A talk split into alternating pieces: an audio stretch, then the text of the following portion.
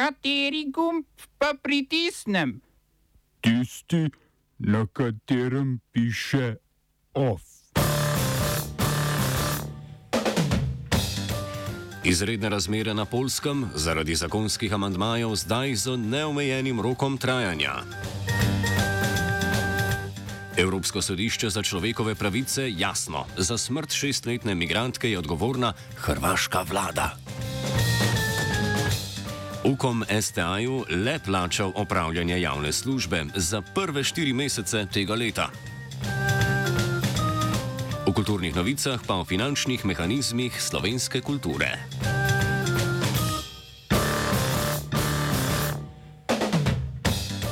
Spodnji dom polskega parlamenta je potrdil amandmaje k paketu zakonov o varovanju meje z Belorusijo.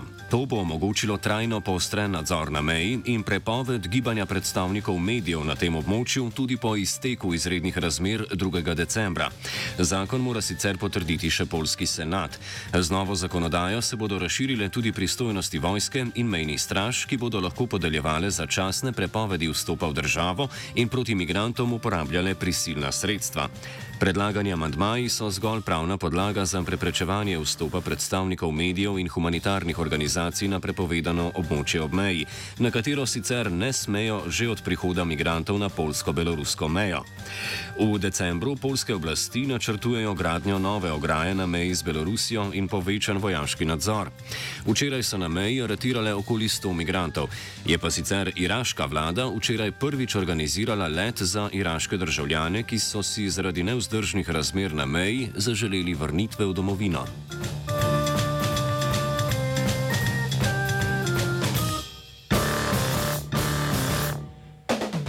Selimo se v bližnjo Litvo, kjer je tajvanska vlada odprla novo predstavništvo, ki de facto deluje kot veleposlaništvo. Gre za prvo predstavništvo v Evropski uniji, na katerem se Tajvan predstavlja kot Tajvan. Drugod po Evropi in v Združenih državah Amerike se tajvanska vlada namreč predstavlja kot Taipei, da bi se izognila poimenovanju otoka, za katerega Kitajska trdi, da je del njenega ozemlja. Ta je sicer Litvo že avgusta opozorila, da bo ob morebitnem odprtju tajvanskega predstavništva odpoklicala svojega veleposlanika v Litvi in hkrati zahtevala, da Litva odpokliče svojega veleposlanika na Kitajskem. S kolegijalno podporo Združenih držav Amerike se je Litva kljub nezadovoljstvu vodstvu Kitajske odločila podpreti odprtje tajvanskega predstavništva.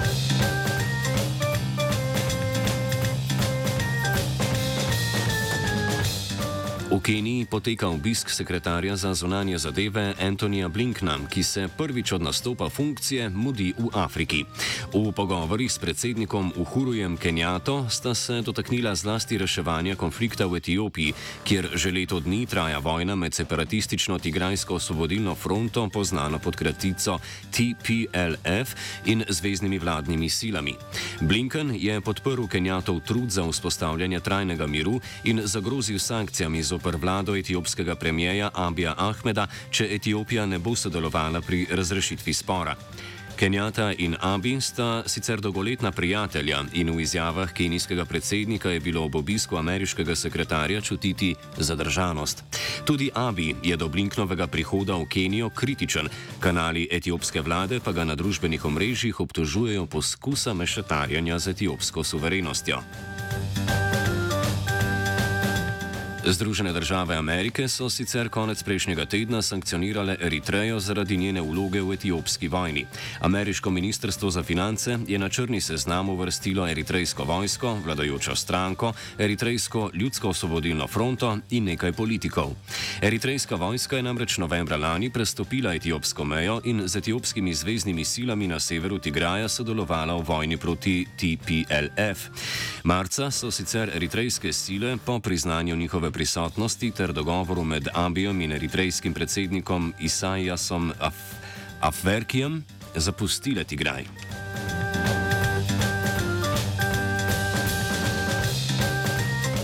V Gracu je položaj županje tudi uradno nastopila Elke Kar iz vrst avstrijske komunistične stranke. Kar je na lokalnih volitvah konec septembra prejela 29 odstotkov podpore ter tako za 3 odstotke ugnala kandidata avstrijske ljudske stranke in nekdanjega župana Zigfrida Nagla. Stalingraškim komunistom je kljub začetnim dvomom uspelo sestaviti koalicijo in imajo tako večino v občinskem svetu. V tako imenovani temno-rdeče, zeleno-rdeči koaliciji so se komunistom pridružili še socialdemokrati in zeleni. Zlasti njihovo sodelovanje s komunisti nekoliko preseneča, saj so zeleni na zvezdni ravni sicer edina koalicijska partnerica konzervativne ljudske stranke. Kar je ob nastopu županske funkcije napovedala, da se bo najprej posvetila stanovanski in socialni problematiki.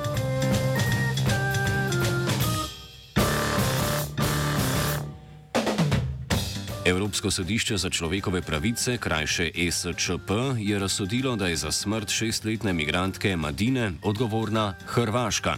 Tožbo proti Hrvaški je na sodišču vložila 14-članska afganistanska družina pokojne.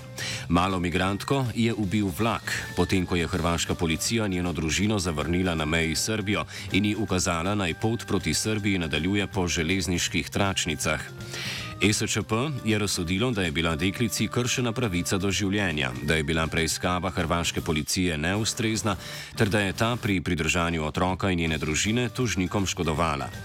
Sodišče je enoglasno razsodilo, da je policija tožnike kolektivno izgnala iz Hrvaške in jim onemogočila zaprositi za azil, kar je nezakonito.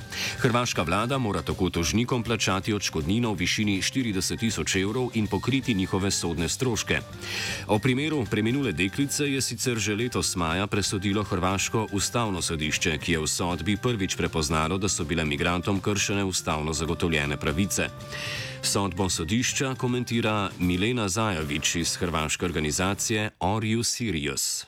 Ovo je strašno važna presuda, ne samo za ljude koji su trenutno u Hrvatskoj, nego i na sve koji su sada na balkanskoj ruti, pa i na ljude koji recimo u ovom trenutku možda dolaze ili prolaze kroz Sloveniju. E, imali smo jednu vrlo negativnu presudu koja se odnosila na e, španjolske enklave, gdje Europski sud nije prepoznao kršenje ljudskih prava u tim kolektivnim protjerivanjima sada u nešto drugačijem kontekstu na hrvatskim granicama e, Europski sud je zapravo prepoznao da naša policija krši zakon, da naša policija krši ljudska prava, da su ljudi koji traže međunarodnu zaštitu ovdje izloženi mučenju. E, to je između ostaloga nešto što bi slovenske vlasti trebalo imati na umu zato što nam svake godine vraćaju oko 10.000 ljudi koji na isti način tako budu na kraju tretirani i ilegalno protjerani zemlja kao što je bila obitelj Male Madine. Tako da sada i Italija, i Austrija, i Slovenija također moraju imati u vidu ako nam vraćaju ljude readmisijskim postupcima da ih potencijalno izlažu mučenju na hrvatskim granicama. Ovo ću, bom odgovoril na angliški. Slovenija will try to help. Uh, we can. Slovenija will. Uh, and we will do our utmost to say that the situation is our problem ourselves. And uh, we will uh, make further steps as soon as the conditions are. Bomo vlado Marjana Cerer, Marjana Cerer Šarca podprli. Very, very serious. News from Slovenia. We know how and we will. Urad vlade za komuniciranje je slovenski tiskovni agenciji nakazal 676 tisoč evrov za delo opravljeno od januarja do aprila letos. Gre za prvo izplačilo tiskovni agenciji z naslova upravljanja javne službe letos, ki sledi pogodbi sklenjeni med novim direktorjem STA Igorjem Kaduncem in direktorjem UKOMA Urošem Urbanijo prejšnji torek.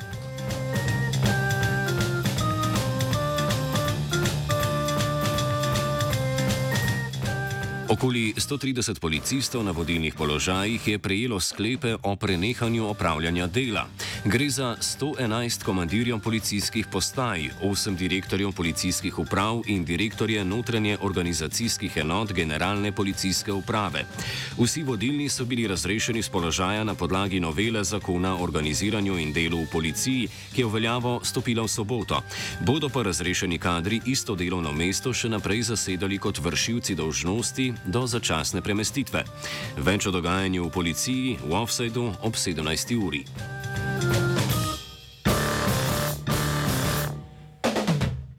Off sta pripravili Lana in vajenka Tija.